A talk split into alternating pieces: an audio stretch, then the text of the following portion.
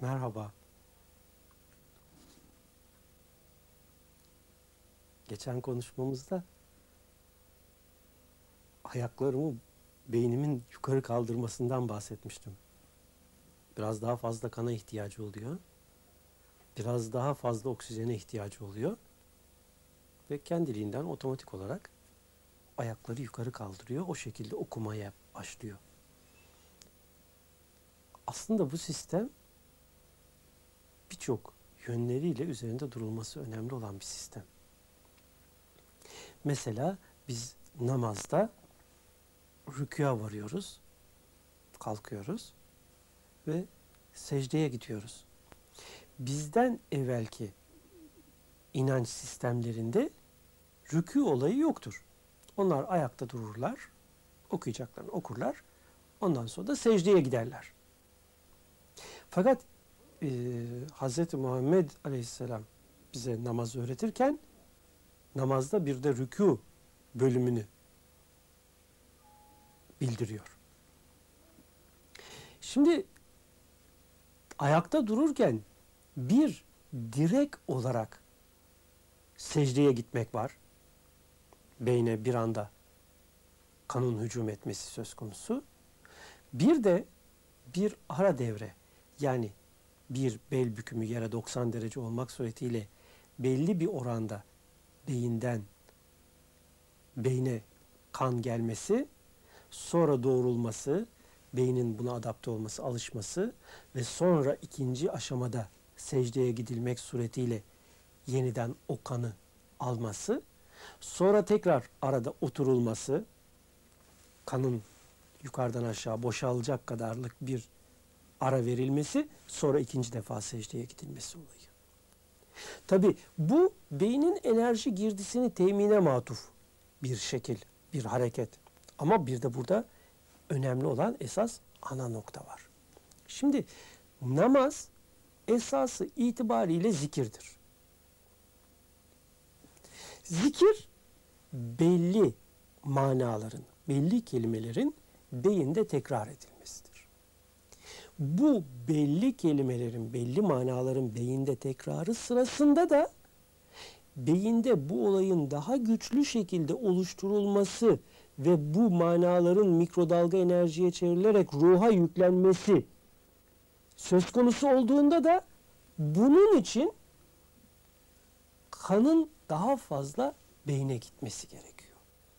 İşte bu da rükû ve secdedeki başı öne iğmelerle meydana getiriliyor. Bu anlattıklarımdan ibaret değil namaz. Ben namazın sadece bir yönündeki bazı özelliklerinden bahsediyorum. Sakın ola ki ha namaz bundan ibaretmiş işte öyleyse ben jimnastik yapayım aynı hareketleri yaparım benim beynimin kan gider değil olay. Orada okunan şeyler önemli. Şimdi zikir dediğimiz zaman ne oluyor zikir? Beyinde belli kelimeleri tekrar ediyorsunuz. Belli bir hücre grubu arasında belli bir biyoelektrik enerji dolaşımı meydana geliyor. Ve bu tekrarlar neticesinde burada üretilen bu biyoelektrik enerji diğer hücrelere yayılıyor sinapslar aracılığıyla. Ve dolayısıyla atıl duran beyindeki hücreler de bu kapasiteye ekleniyor. Ve böylece e, daha fazla bir enerji üretimi temin ediliyor. Bu arada da tabi o kelimelerin manaları istikametinde o hücreler programlanıyor. Şimdi e, aslında namazı anlamak için önce beyni çok iyi anlamak lazım. Ben bir beyin uzmanı değilim. Eğer hata edersem bağışlayın. Öğrendiğim kadarıyla, bildiğim kadarıyla kendi halimde bir şeyler anlatmaya çalışıyorum. Şimdi e, bizim beynimizde bu bilgiler havadan gelmiyor. Yukarıdan gelip de yazılmıyor bir kalemle. Nasıl olmuş? Ta çocukluktan başlıyor. Biz bir nesneye dokunuyoruz. Bu nesneden gelen bir sıcaklık diyelim sinir sisteminden geçerek beyne ulaşıyor. Ve bu eğer oradaki sinir sistemini sinirleri acıtıyorsa uf diyoruz, acı diyoruz, yaktı diyoruz. Bu uf, acı, yaktığı da bize yanımızdakiler telkin ediyor. Ve bu telkin de beyne giriyor. Yazılıyor. Yani hücreleri programlıyor o manada. Biz ikinci defa bir sıcağa dokunduğumuz zaman otomatik olarak yaktı diyoruz. Uf diyoruz, acıdı diyoruz. Şimdi bunun gibi bütün olaylar yaşandıkça beyne kaydoluyor. Beyinde bu kaydolan veriler istikametinde yeni veriler geldiği zaman beyin o daha evvelki kayıtlara istinaden onları çözüyor ve biz belli değer yargılarını oluşturuyor. Bizde belli değer yargıları oluşuyor. Yani buna bir nevi şartlandırılma da de, denebiliyor. Şimdi biz belli konularda şartlanıyoruz. Belli değer yargıları ediniyoruz.